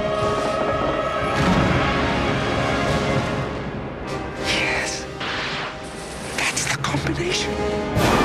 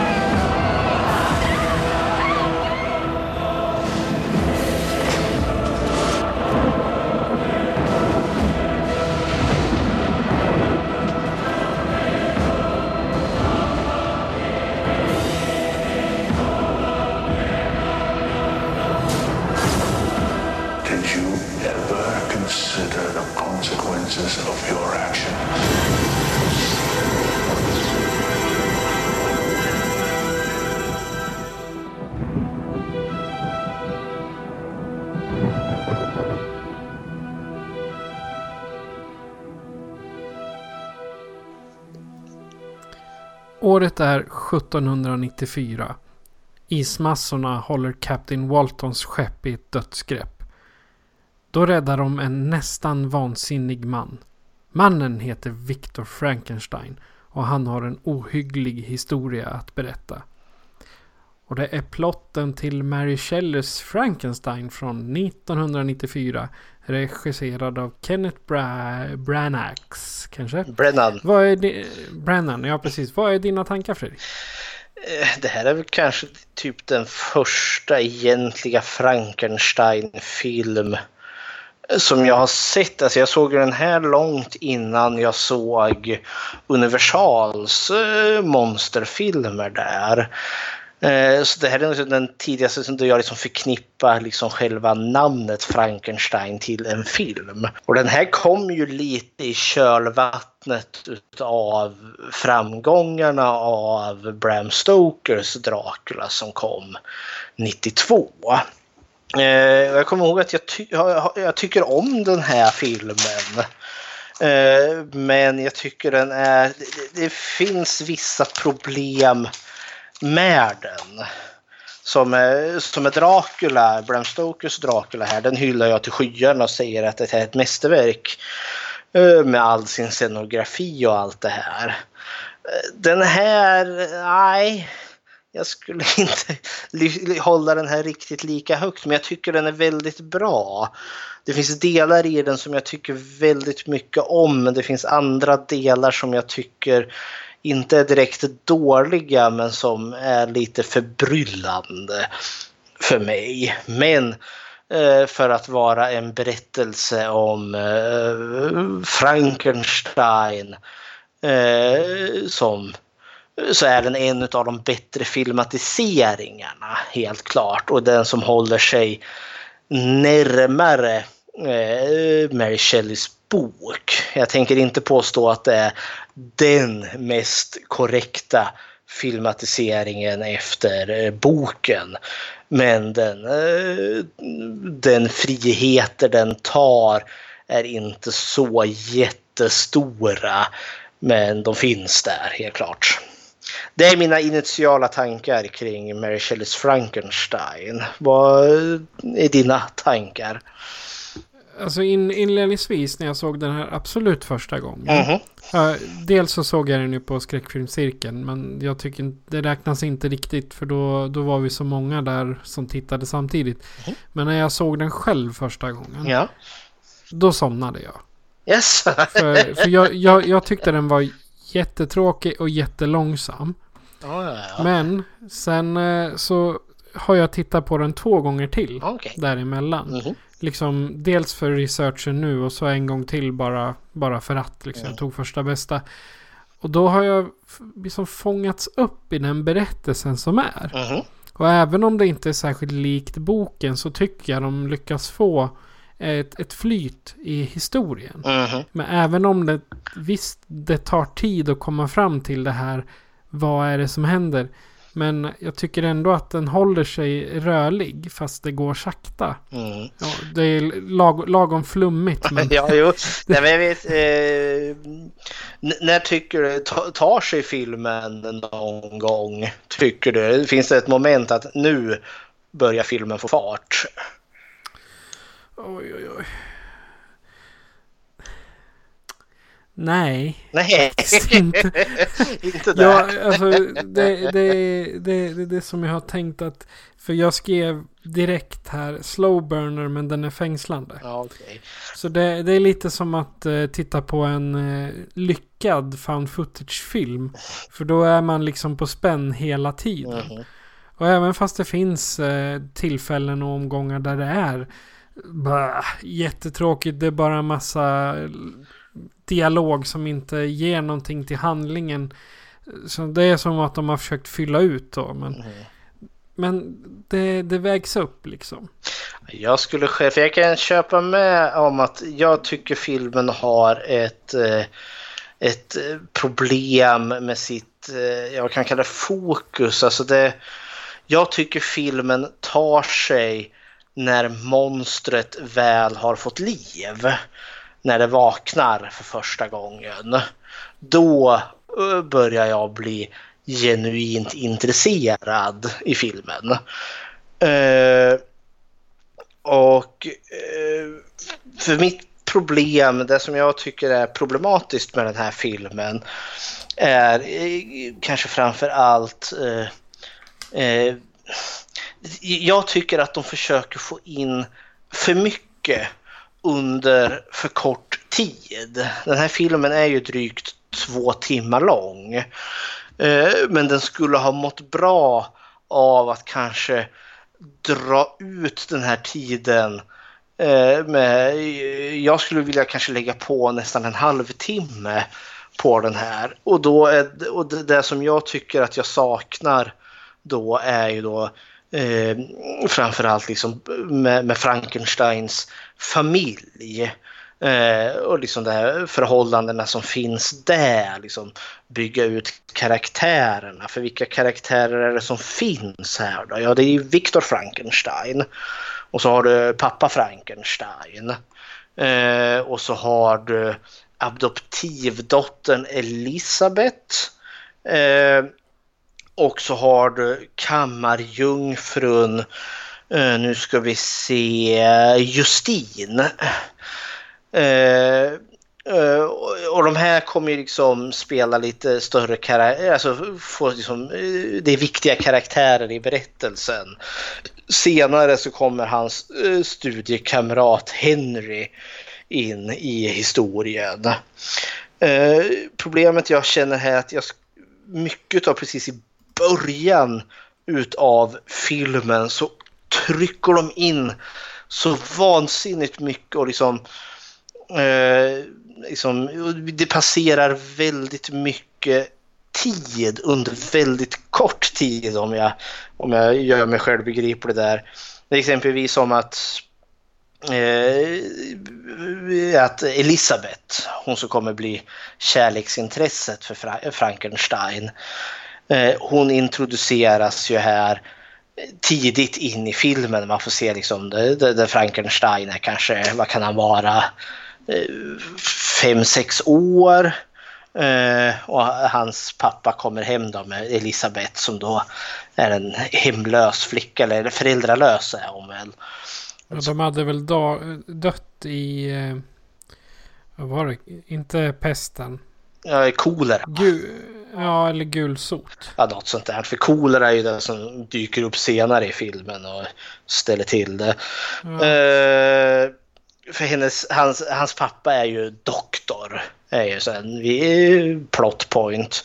För han kommer ju följa i pappas fotspår där. Då.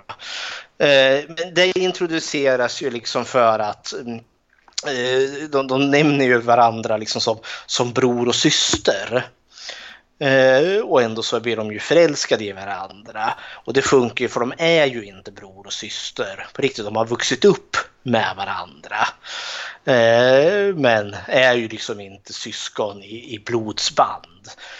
Eh, och eh, det var lite mer uppenbart i boken för då får man liksom följa eh, hans föräldrar lite mer där de liksom har planerat att eh, para ihop de här två. Liksom, det är samma här liksom att eh, Elisabeth har blivit föräldralös.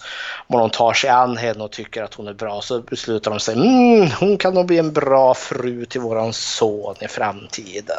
Men inom loppet av tio minuter här så eh, kommer det förfärligt mycket. Vi börjar med vad heter han nu, kapten Walton ut och plumsar runt i, eh, med, sin, med sin båt, alltså ett gigantiskt regalskepp eh, med, med långa master. Och han ska hitta en eh, väg till Nordpolen eller en väg genom Nordpolen. Eh, och på så sätt kan han hitta en ny handelsrutt och så kommer han bli berömd och känd och göra mänskligheten en tjänst. Och sen kör de fast sig i isen. Eh, de, eh, någon besättningsman går och dör. Eh, de hör eh, Viktor Frankenstein kommer ut ur skuggorna eller ut ur dimman där. De hör monstret yla i horisonten. hundarna sliter sig, monstret tar ihjäl dem. Eh, Frankenstein sitter i kaptenens eh, eh, hytt, pratar med honom. Eh, om att liksom, oh, nu ska du få höra här vilken otäckt och elände. Så hoppar vi bakåt i tiden, träffar eh, Frankenstein är barn, träffar Elisabeth, tillbaka i tiden, fast inte innan båten. Frankenstein har vuxit upp, är nu ung man eh, och ska eh, ska iväg på sina studier. Han som är havande. Hon går in i förlossningen. Förlossningen går tokigt. Eh, pappa måste kejsarsnitta henne och hon dör. Och allt detta, för jag klockade det här allt detta är liksom inom loppet av tio minuter ungefär. För det är verkligen liksom ett popperi utav nu jäklar slänger vi allt liksom vad vi kan hitta på er. Och det känns liksom för komprimerat tycker jag. Och det är ett problem jag tycker den här filmen har. Och ett annat problem jag tycker den har är Kenneth Brennan som Frankenstein här. Han, han är en bra skådespelare men det känns som att han gör en teaterföreställning. Alltså att hans sätt att artikulera och spela ut de här känslorna känns inte i samklang med de andra skådespelarna. Så, det, det, var min långa utläggning om mitt problem med Frankenstein. Och då har du dragit om att det var tio minuter som var problemet. Ja, nej men jag tog det bara som exempel. Ja, ja jag förstår. Men för jag tycker att, som sagt, jag tycker vändningen kommer när monstret väl är skapat. Då får filmen ett annat tempo. Det känns som tills dess så känns det som ungefär som att herregud, vi har hur mycket information som helst som vi ska lyckas trycka in inom loppet av ja, en dryg halvtimme innan monstret kommer till. Och nu jäklar liksom pressar vi in allt och det känns som att det hade gynnats av att göra den här filmen längre. Men 94 eh, här då tror jag inte att, alltså två timmar var redan kanske för mycket redan då. Nu har vi ju tänkt filmer som jag tänker, eh, de här senaste Avengers-filmerna. Infinity Wars och Endgame, de var väl typ nästan tre timmar långa vardera. Så nu är det inte riktigt lika eh, att en film som går på bio eh, inte får vara mer än två timmar. Men 94, ja då, då fanns det inte med på världskartan. Liksom. Nej. Mm. Kenneth Branagh som både regisserar och eh, spelar Frankenstein då. Han har varit på teatern sen typ 80-talet. Jo, jag tycker det märks lite. Alltså för Kenneth Brennan är genuint bra. Men här mm. känns det liksom inte, han känns inte riktigt som filmskådespelaren Kenneth Brennan. Nej, han har gjort alltså majoriteten av hans pjäser har varit Shakespeare. Vi har 87 då var han med i The Life of Napoleon. Mm. Uh, vad har han mer gjort? Uh, ja, nu absolut senast nu 2011 så gjorde han The Painkiller. Mm. Också en uh, teaterföreställning. Ja, 2015 En vinterhistoria. Ja. Ja, men för på det, det, Garrick Theatre. Så. Ja, för det där känner verkligen att hans, det, det är hans teaterskådespel vi ser här och det, det lämpar sig. Alltså, han är ju inte dålig på något vis och vänster men det, det, det, det känns inte som ett filmskådespel utan det är väldigt mycket mer ett teaterskådespel. Eh, ja, så. alltså när du spelar teater så är det ju spelar du ju över. Du, du tar ut svängarna med mm. ansiktsuttryck och armar och vifta mycket mer än vad du behöver göra på film. Jo. För på teater ska du ju synas ut i publiken exakt vad du gör. Men på film där har du ju en kamera rakt, rakt upp i nyllet i stort sett som, gör, som visar vad du, vad du gör.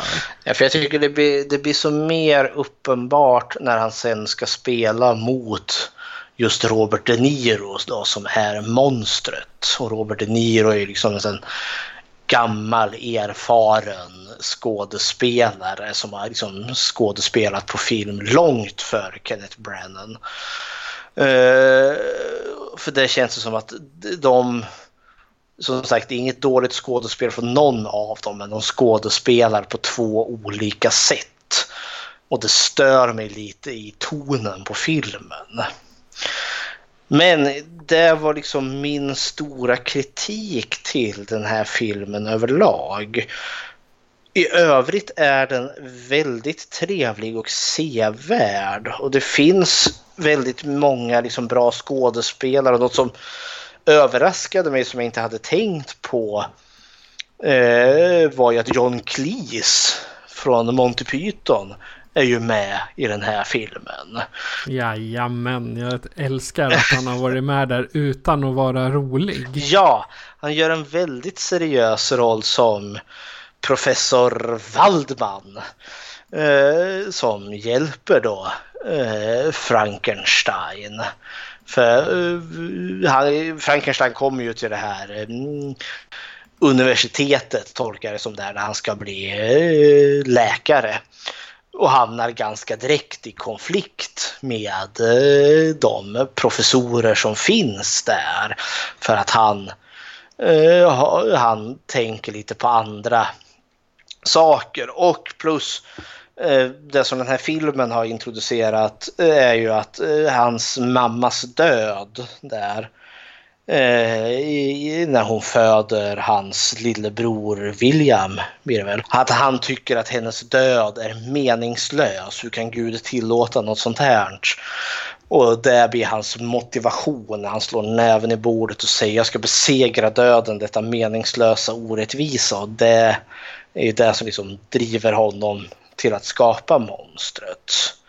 De, han eh, kliver ju långt, långt ut i marginalvetenskapen. Där. Ja.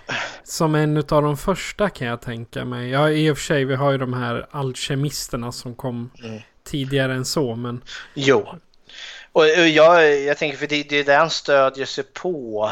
Eh, för de här professorerna är liksom, vi ska ha den moderna vetenskapen och han pratar om så gamla filosofer som man nu betraktar som typ barbarer. Det är, liksom, det är dåtidens trams och hittepå. Eh, och han är väldigt arg över det. Men jag tänkte fråga dig, eh, är eh, Frankenstein den första, eh, om jag tolkar den här filmen rätt, att skapa nytt liv? Är det inte Waldman, John Cleese karaktär där som har kanske lyckats före honom. Ja, det hade jag lite svårt att tolka. Men eh, frågan är ju då vad har han eh, skapat för liv? Ja, men han sa ju, för det, det kommer ju en scen där, han, där han och hans vän Henry eh, de har blivit bjudna hem till honom. Han har ju visat, eh, vi har ju den där avhuggna aphandeln som han med hjälp av ström kan få att öppna och stänga sig själv och sådana saker. Ehm, för det sitter de ju och äter någonting och sen frågar ju Frankenstein hur nära kom du? Och så blir ju han alldeles... Eh, man, man märker att han blir bekymrad han säger att han kom alldeles för nära. Och beslutade sig för att aldrig uppta det här igen. Jag tolkar det som att där fanns det Eh, alltså att han, eh, han, eh, han säger ju att det var en, det var en styggelse, it was an abomination. Eh, och där tolkar jag det som att han, professor Waldman, har satt liv i något innan. Eh, som han då har ångrat att han gjorde. Vilket kommer ju upprepa sig med Dr. Frankenstein här sen. Han kommer ju göra samma sak efter att han har väckt monstret till liv. Så ångrar ju han det bittert och säger att ja, han använder ju nästan exakt samma ord som Dr. Waldman.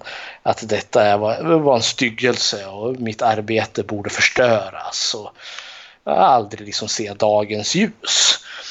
Så jag tänkte, jag tolkar som att Dr. Waldman kanske har varit nära men kanske inte lyckades. Jag tror inte han eh, lyckades sätta liv i en hel människa som Dr. Frankenstein gör. Nej, förmodligen Eller vad inte. tror du? nej. nej, nej, ja, men det, det är som han gör med handen där. Det går Mm. ju att göra i verkligheten också eftersom Jo. vi har, det finns ju nerver även i, i död. Ja, Mm. det, är inte säkert att det går att göra så med en avhuggen hand. Jag menar den ruttnar ju efter ett tag. Men jag menar i, i filmen, jag menar nerverna sitter ju där de sitter. Och Mm. kan du då be, behålla nerverna vid liv, fine. Mm. Då borde det väl fungera. Men eh, ja. Det, ja jag, jag är lite kluven där. Ja, ja nej, men så här får man ju också då ta the suspense of disbelief. Alltså det är ju här science fiction-aspekten kommer in. Eh, och något jag tänkte här på också när jag såg den här, liksom hur den här, liksom, ba- den här filmatiseringen balanserar Mary Shelleys bok eh, och eh, film filmvärldens tolkning utav Frankenstein. För filmen lägger väldigt stor vikt liksom vid skapandet utav monstret, alltså processen. Hur Dr. Frankenstein liksom kommer på vad det är för metod han ska använda eh, och hur han skaffar kroppsdelarna och allt han nu behöver, utrustning och framförallt strömmen och sådana saker faktum i boken är det väldigt diffust. Spenderar vansinnigt lite tid med att förklara hur han väcker monstret till liv. Och det tänker jag, det här det är så som passar bättre i en film. Alltså för i boken har jag för mig liksom att det liksom sammanfattas vansinnigt snabbt. Ungefär som att eh, Viktor Frankenstein blir liksom besatt av sitt arbete. Och sen har ingen hört något från honom på två år och sen är monstret skapt ungefär. Så liksom, vi får liksom en tidsradie där det finns två år där Dr. Frankenstein har liksom varit besatt av sitt arbete och där någonstans har han kläckt mysteriet hur han ska sätta en död kropp till liv. Så i boken får vi aldrig följa det, vi får ingen förklaring. Men det funkar liksom Men inte alltså riktigt. skulle de ha den där, den där förklaringen på att ah, nu har det gått tio minuter. Bra! Titta, Frankenstein har ett monster. Ja. Eh, what? Då hade vi liksom kunnat kapa ner filmen till 1.10 så hade, det, hade den varit vi säga, intressant. Menar, annars kan det bli som i tv-serier, du vet när de måste klippa dem. När de lägger ner en tv-serie så i regel så säger det bara poff när det är 10 minuter kvar av eh, någon scen som aldrig kommer få spelas färdigt. Så ring kommer någon fin musik och så ser man eh, personerna sitta i en soffa tillsammans med tre barn runt omkring sig och sen nu är serien slut. Hepp. Ja, det, för det här är väl som skiljer sig medierna åt. Filmen, jag tror vi behöver förklaringen. Och det, och det finns liksom grejer att liksom rent filmiskt kunna visa på den här processen och vi kan se hans nedstigning i, i, i galenskap eller hur det här liksom tar över honom. Vilket inte boken behöver. Eh, och jag tycker det är ganska häftigt måste jag villigt erkänna. Eh, jag, jag köper inte riktigt att eh, du får liv i någonting på det här sättet men jag köper liksom eh, Eh, fantasiaspekten av det hela. Eh, han använder sig av elektriska ålar och han behöver det här fostervatten. Kommer, eh, samlar han ju in vilket jag tyckte var ganska groteskt. Och sen eh, de här olika kroppsdelarna eh, som han tar. För det, det känns också som en koppling till, till de gamla filmerna där då. För det, och är det i den från 31 med Boris Karloff har du ju den här lilla fadäsen att assistenten där eh, Frankensteins assistent i den filmen ska ju stjäla en hjärna. Eh, och då vill ju Frankenstein att han ska stjäla en hjärna från en framstående professor och så råkar han ju tappa den kruset och så tar han ju istället liksom hjärnan från någon som det står kriminell, en abnormal hjärna. Eh, för här, här gör de ju som en spin på det också för han, Dr. Waldman blir ju mördad. Och det är ju hans hjärna han tar. Han säger ju till och med hjärnat från ett geni och sen har han ju tagit kroppsdelar från diverse olika människor och en en av dem är ju mannen som mördar Dr. Waldman. Till råga på allt så mm, liksom, är ju majoriteten Robert De Niro där som hoppade omkring på ett ben där. Som mördar Dr. Waldman och blir hängd. Och då har vi den där liksom kopplingen liksom, äh, lite till de här gamla filmerna där du hade förklaringen liksom att du har en skadad kriminell människas hjärna i den här kroppen. Men boken gör ju ingen koppling till det alls. Jag märkte själv hur påverkad jag var av filmerna när jag läste boken. Att liksom, ska det inte göras någon referens till att kroppsdelarna är från en kriminell människa? Eller vadå? Vi insåg att nej, det finns inte med i boken alls. ja, eh, vad tyckte du om själva skapelseprocessen utav monstret? Alltså den, den processen gillade jag. Även fast jag, det, var, det var nästan lite som att se en, ensam hemma-filmerna. Jag menar, okay. de trycker på någon knapp och så åker korgen hit och dit och han uh -huh. korsfäster. Och, jag menar, det är ju som en liten eh, bana han har gjort. Ja, så, jo det är det. Alltså om, om man skulle göra det där till en eh, berg och dalbana så hade man ju haft världens Frankenstein Ride eller något sånt där. ja, det. Men det, det, det är typ så, så jag ser det. Det är ju en, ett första steg mot vad vi kallar nu för lean. Det vill säga ett eh, arbetsmetod eller det här vet, löpande bandet eh, stilen mm. på allting. Jag menar, han trycker på en knapp så åker han och blir elektrifierad av ålarna och sen åker han upp i taket och in i någon kärra och i en korg. Jag menar, den, den delen när han höll på att köra runt med han och ner i vatten och upp i vatten och ha gyttjebrottning med han liksom. Det berörde inte mig så jättemycket utan det var mera resultatet av när han kom ut och man insåg att han, men fast han har ju känslor den här nissen. Mm -hmm vad han nu heter. The Sharpened Man eh, kallas han väl i, eh, i manuset. Sharp Featured Man. Det vill säga monstret. Ja, ja, ja. ja, men det, jag, jag hörde med liksom att det, det, är ganska fascinerande. Alltså det är lite det här 90, det tidiga 90-talets liksom specialeffektsorgie inom situationstecken. Alltså jag fick lite så här Alltså för allting är ju liksom praktiskt gjort. Uh, för jag tänkte också så liksom man trycker på lite löpande band. Liksom allting klickar i, kugghjulen börjar snurra och liksom det leder till någon form av kedjeeffekt. Jag kunde inte låta bli att tänka på någon så Indiana Jones, de här liksom stora kulisserna liksom när du har någon stor actionscen och liksom eh, Indiana Jones svingar sig med sin lian och det kunde inte låta bli att göra lite den kopplingen med Dr. Frankenstein som springer omkring där i laboratoriet och den stora tunnan kommer och eh, ja, monstret liksom hissas upp och ner och liksom, ja, det, det, det var liksom fars, det hände liksom så det var kul att titta på någonting. Monstret Eh, ska vi nämna, prata lite om den, vad vi tycker om Robert De Niro som monstret. Alltså Robert De Niro, han, eh, det, det är min favoritkaraktär i den här filmen. Mm -hmm. Överhuvudtaget. Jag, jag tänkte säga, han skär verkligen showen. Det är det jag tycker att filmen får ett nytt liv när han dyker upp. Ja, eller filmen får liv när han dyker upp. Då är det inte bara kärle kärlekshistorien och den här tjafsen med eh, läkarna och... Eller läkar, lärarna snarare.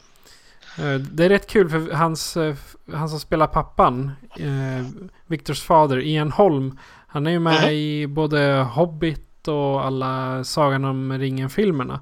Det är, ju... Bilbo. precis, det är Bilbo. Och så nu då han spelar här, det är ju, det här är ju före Sagan om ringen-filmerna. Ja, det är det. Så han måste ha fått en rejäl uppsving sen. Mm.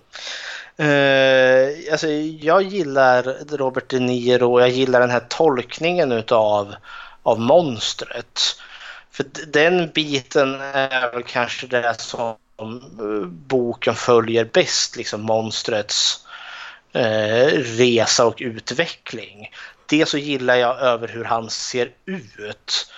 Eh, för det har ju varit lite, alltså för han ser ju verkligen ut som ett lik som har blivit ihopsytt för han är ganska grotesk överlag med de här stygnen som går liksom tvärs över ansiktet och sådana saker. Eh, och det är ganska långt ifrån Boris Karloffs Frankenstein med den här höga pannan och bultarna i halsen. Eh, och jag gillar liksom den här berättelsen för han, eh, hur han hamnar hos den här familjen. Eh, han, han gömmer ju sig liksom i en svinstia där för han, eh, han blir när folk ser honom så blir de ju rädda och liksom börjar kasta sten på honom. han verkar liksom inte som att han har något språk eller han har det, att han är liksom han, allting finns ju i honom, han måste bara lära sig att hantera det. Och så gömmer han sig hos den här familjen och genom springan så ser han ju frun i huset som håller på att lära barnen att läsa och skriva.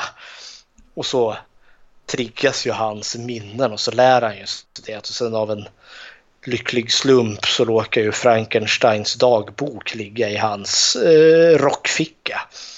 Vilket kommer få konsekvenser senare i filmen. Mm. Nej, men jag, tycker, alltså, jag, det är lätt att få sympati för honom.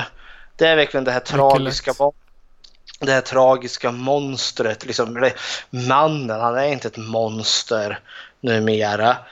Eh, men lika väl så tycker jag också att eh, han blir sen ett monster när han eh, liksom beslutar sig för att utkräva sin hämnd eh, mot, eh, mot Frankenstein. Eh, och det gör han ju med bravur får man väl ge det. Eh, för han, han tar ju sig hela vägen till fots eh, tillbaka till, eh, till Frankenstein. Man ser hur han vandrar över Alperna där. Och eh, det första han gör är ju att döda eh, Dr. Frankensteins eh, lillebror. Han som eh, jag föddes där då när hans mamma dog. Och han är väl typ tio år eller något sånt där. Ja, inte han gammal i alla fall. Nej, man får ju inte se mordet men monstret, det är uppenbart att han har mördat eh, honom. Och sen eh, dör de ju ena efter den andra där han lyckas ju eh, vad heter det, sätta dit hon, vad heter det, kammarfrun Justin för mordet på, på pojken där. Och det var här liksom en del, jag tänker återkoppla till min kritik här, att jag tyckte att den behövde mera. För jag kommer ihåg typ när jag såg den första gången då hade jag liksom ingen koll. Vem, vem var den där kvinnan som dog? Eh, för, för hon är med så lite, men jag förstår att liksom eh, det, det, det, betyder mera liksom, alltså hennes roll ska vara mycket större. Man ska förstå liksom att hon, hon var också lite förälskad i Frankenstein. Och, men hon har liksom varit en högt aktad liksom, alltså, kammarfru, liksom, har arbetat för, Dr. Frank, för, för familjen Frankenstein hela sitt liv. Så när, så när hon dör, blir, hon blir ju hängd där av en lynchmobb. Eh, vilket var en väldigt effektfull och ganska hemsk scen. Eh, så är det förkrossande för familjen. Men jag får, alltså jag ser, jag förstår i och med att jag kan se vad de säger och hur de uttrycker det. Men känslan finns inte riktigt där för hon har varit med så väldigt lite i filmen. Så jag har liksom inte fått sett relationen hon och eh, Frankenstein och de andra karaktärerna sinsemellan. Nåväl. Eh, en favoritscen jag hade är ju när Frankensteins monster väl konfronterar Dr. Frankenstein. Eh, och eh, säger att liksom möt mig där uppe i berget. Och så har de ju då en, och han möter ju honom där. Eh, och så har de en liten pratstund där i en grotta. För det gillade jag, liksom deras fram och tillbaka där. Det var nästan så att jag ville ha lite mer utav det. Eh, hur liksom det Frankenstein måste förklara sig och eh, Dr. Frankenstein i sin tur liksom, eh, påpekar att monstret mördade hans lillebror och, och sådana saker. Att monstret vill ha en kompanjon. Han vill ha en fru helt enkelt. Och uh, tänker tvinga, uh, han vill tvinga Frankenstein att göra uh, ett monster till. Och här kommer den stora avvikelsen ifrån boken och den här filmen. Eh, jag tycker bok... den delen tycker jag är synd. Han skulle kunna skippa det där med att han vill ha en fru. Det hade räckt med Jaha. själva... Alltså med den här inte, inte, inte, integrationen. Den här... Jag ska säga spelet mellan eh, Viktor och monstret. Att liksom den, den relationen de hade både upp och ner. Att man skulle bygga vidare på den istället. Och klippa bort hans mm. krav på att göra en fru. Liksom just där. Bort med det. Gör någon. Liksom ha. Ja. Vi, vi skippar en kärlekshistoria till. Vilket det blir till slut. alltså det är det som är. Som jag tycker är ganska eh, Eh, bra med både i boken här just sådär istället för att eh, för det var frustrationen jag hade där för monstret kräver en fru. Eh, ungefär och, och, jag tänkte liksom, ja, men hur bisarrt är det? Det är liksom som en postorderfru. Eh, han liksom ska skapa honom eh, eh en fru som ska älska honom. Hur vet du att hon skulle göra det? Tänker jag. Och jag tänker att det är lite medvetet. Alltså monstret tror att, eller eh, är så arg på människan överlag så han ska ha en fru och sen ska de eh, lovar han ju Frankenstein att vi kommer resa härifrån och så kommer ni aldrig se oss något mer igen. Och då kan Frankenstein hålla liksom det här fortfarande hemligt för det är ingen som vet att han har skapat det här monstret. Eh, ja, men det låter bra. Och så eh, behöver vi liksom aldrig konfronteras eh, något mer igen. Och en del av mig känner ju frustrationen att ingen av de här, varken Dr. Frankenstein eller monstret, tar någon form av ägandeskap för sina handlingar. Istället tror hon bara liksom, om du gör det här åt mig, ja, då blir allting bra och så löser det sig. Ni sitter här ansikte mot ansikte, pratar med varandra, börjar liksom Eh, hantera det här som vuxna människor. Men det är väl kanske det som är grejen. De, är, de gör inte det. Istället söker... Dr. Frankenstein vill bara hålla det här hemligt så det inte kommer fram och han vill skydda sin familj. Monstret tänker enbart på sig själv, du ska skaffa mig en fru. Alldeles oavsett om hon kommer älska honom eller inte. Eh, och det tycker jag väl är, liksom, eh, är min take till det hela. Eh, jag tror inte de hade kunnat tagit bort det för den här frun som monstret vill ha är ju med i boken. Eh, grejen är ju bara den att i boken kommer ju Dr. Frankenstein att påbörja arbetet men han slutför det aldrig. För han säger nej, jag tänker inte göra någon fru åt dig. Eh, och eh, då hämnas ju Frankenstein Eh, eller monstret, eh, med att eh, ja, mörda hans fru. I filmen däremot så kommer ju han att slutföra det. och det kommer jag, jag kommer faktiskt säga att det är faktiskt den enda gången, eller inte den enda gången, den biten som filmen till inte har som faktiskt är väldigt, väldigt bra. För det är liksom den bästa biten i hela filmen tycker jag. Frankenstein eh, sätter liv i sin döda fru spelad av Helena Bonham Carter. En av hennes få mer seriösa roller. För det tycker jag är så genuint obehagligt och så hemskt och makabert när hon väl sitter där. Liksom vid liv igen. Och han liksom, oh, du är tillbaka min älskade och hon liksom knappt vid medvetande. Och så ska de dansa tycker han. Och så dyker monstret upp och liksom, oh hon är fantastisk och hon ska vara med mig. Och så blir det nästan som en jäkla dragkamp. Både liksom nästan eh, fysiskt och eh, mentalt mellan henne där de liksom, hon tillhör, hon tillhör mig Eh, och i slutändan så ger ju hon eh, låter ju hon sin egen vilja gå igenom. Hon tänker inte välja någon av dem och så tar hon sitt liv genom att tända eld på sig själv. Ja, hennes hjärna är väl Eh. fortfarande så pass eh, frisk att eh, ja, hon vet vem hon är. Ja, och jag tänker alltså för mig blir den liksom för mig blir det liksom återkopplingen till Mary Shelley själv som var liksom levde i en tid där männen bestämde vad kvinnor skulle göra. Och här blir det också liksom Elisabeth nu som har blivit mördad för att Frankenstein ville göra monstret en fru. Vilket jag kan förstå.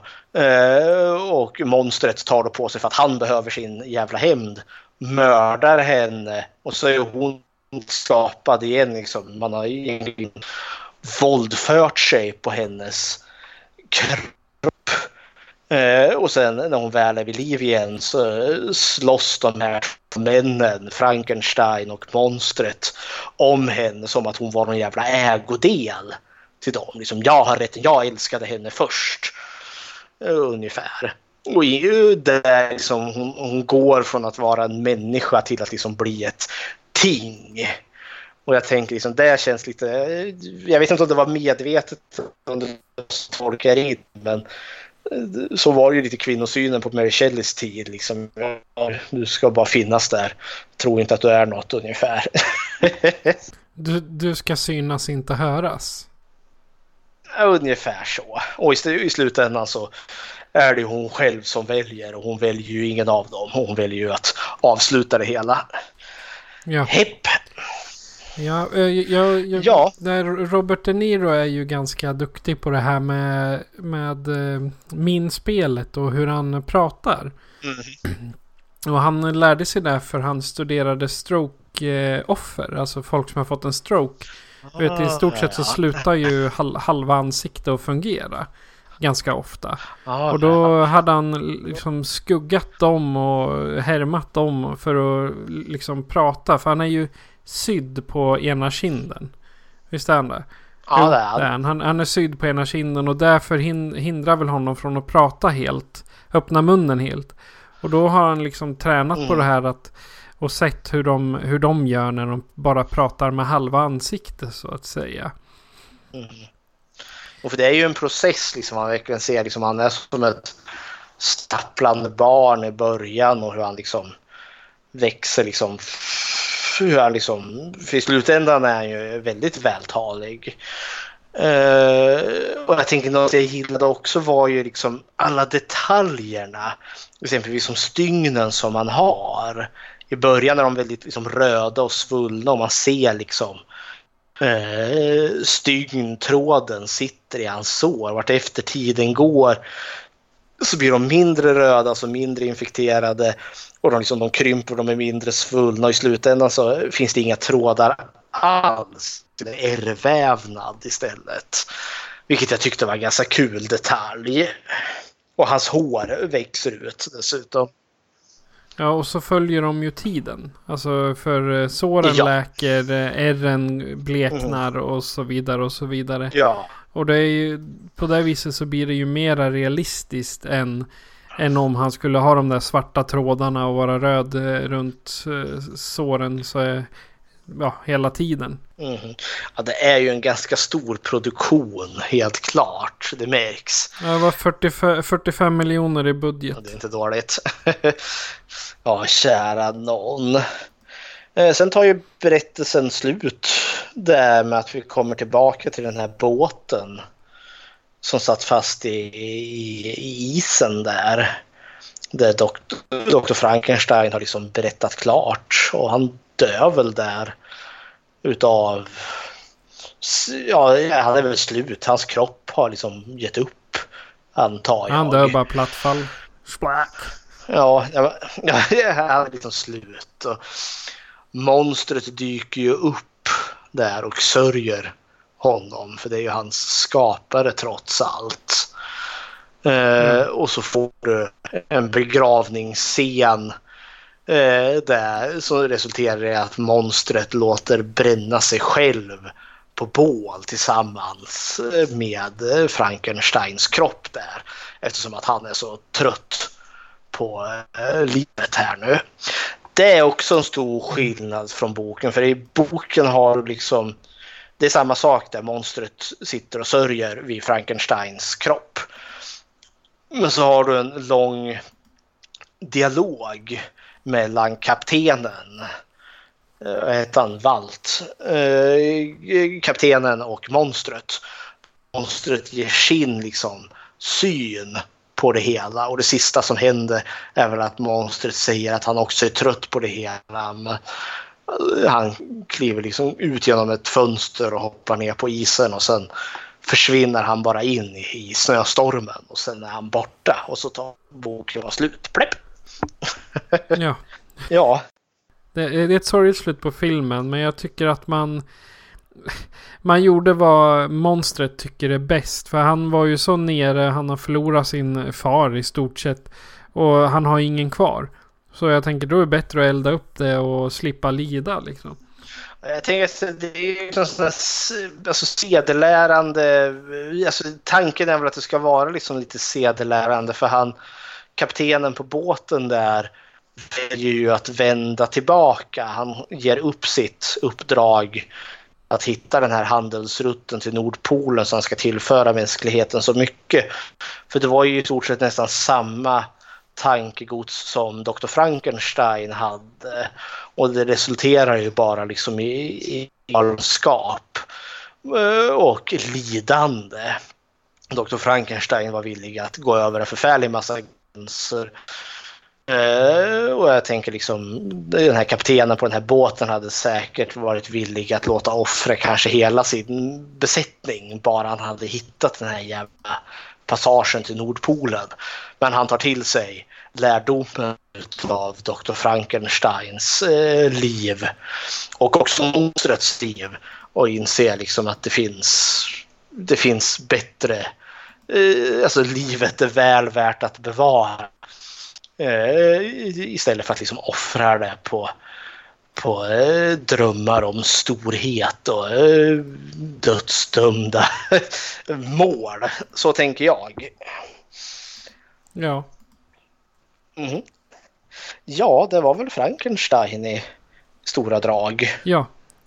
Ja, precis. Eh, jag slängde upp en, eh, ett snabbt inlägg på Facebook och fick eh, jag var, jag var lite sen inför inspelningen på det här så att vi fick inte så mycket kommentarer.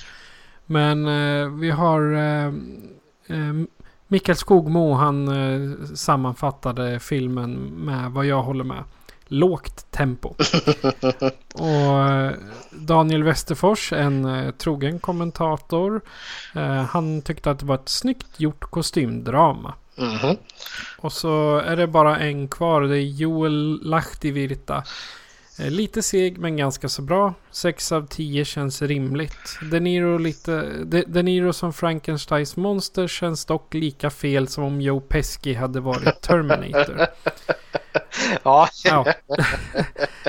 jag, jag håller inte riktigt med för det även om Robert De Niro är jag tycker han passar att göra en lite ovanlig roll för en gångs skull. Han är inte den här lilla fjanten som jag tänker på typ dödligt vapen. Nej, det, det är Joe eh, Pesci. Nej, det är inte De Niro. Nej. Ja, jag skojar bara. Robert De Niro är ju typ gangsterbossen. Typ Gudfadern ja, och Casino och ja. liknande. ja, i, I och för sig, men fortfarande. Det är inte samma sak som att spela ett monster. Nej. I, i och för sig, man, man, de är ju monster, ma maffianissarna också, men ändå. Liksom, de är inte de monster som, eh, som Frankenstein är. Liksom. Eller Frankensteins monster. Så ska vi säga. Och och eh, om du som lyssnare har någonting att berätta eller om du har några åsikter så kan du göra så här för att kontakta oss. Skräckfilmscirkeln presenteras av Patrik Norén och Fredrik Rosengren. Patrik är producent. Besök www.skräckfilmscirkeln.com för att veta mer om hur du kan kontakta oss, var du kan lyssna på oss och hur du kan stödja oss. Tack för att du lyssnar! Och eh, Fredrik. Vad ska vi se nästa gång? Då kommer vi ge oss i kast i True Crime-träsket. Sanna brott här. Vi kommer eh, blicka in i seriemördaren Jeffrey Dahmers liv och död. Och vi kommer inte se en film utan vi kommer nämligen se tre filmer. Vi kommer se The Secret Life, Jeffrey Dahmer från 93. Och vi kommer se Damer från 2002. Och så kommer vi se My Friend Damer från 2017. Det är riktigt seriemördande bra filmer. Jajamensan. Ja, det här, jag mig, vi, vi pratade om dem tidigare. Och de var väl, alla var väl inte seriemördande bra. Nej, det är de inte. Det är lite kul att göra just, ta de här tre styckna. Och det, eh, men det, det är av varierande kvalitet kan man väl avslöja. Men det är också liksom ganska långt år emellan varje film. Så det är kul att se lite hur de utvecklas. Ja. Okej, okay, då tycker jag vi tar och lägger undan de kirurgi kirurgiska instrumenten, drar ur elkabeln och så har vi bara några saker kvar att säga. Jag heter Patrik. Och jag heter Fredrik. Du har lyssnat på Skräckfilmscirkeln. Adjö. Auf Wiedersehen.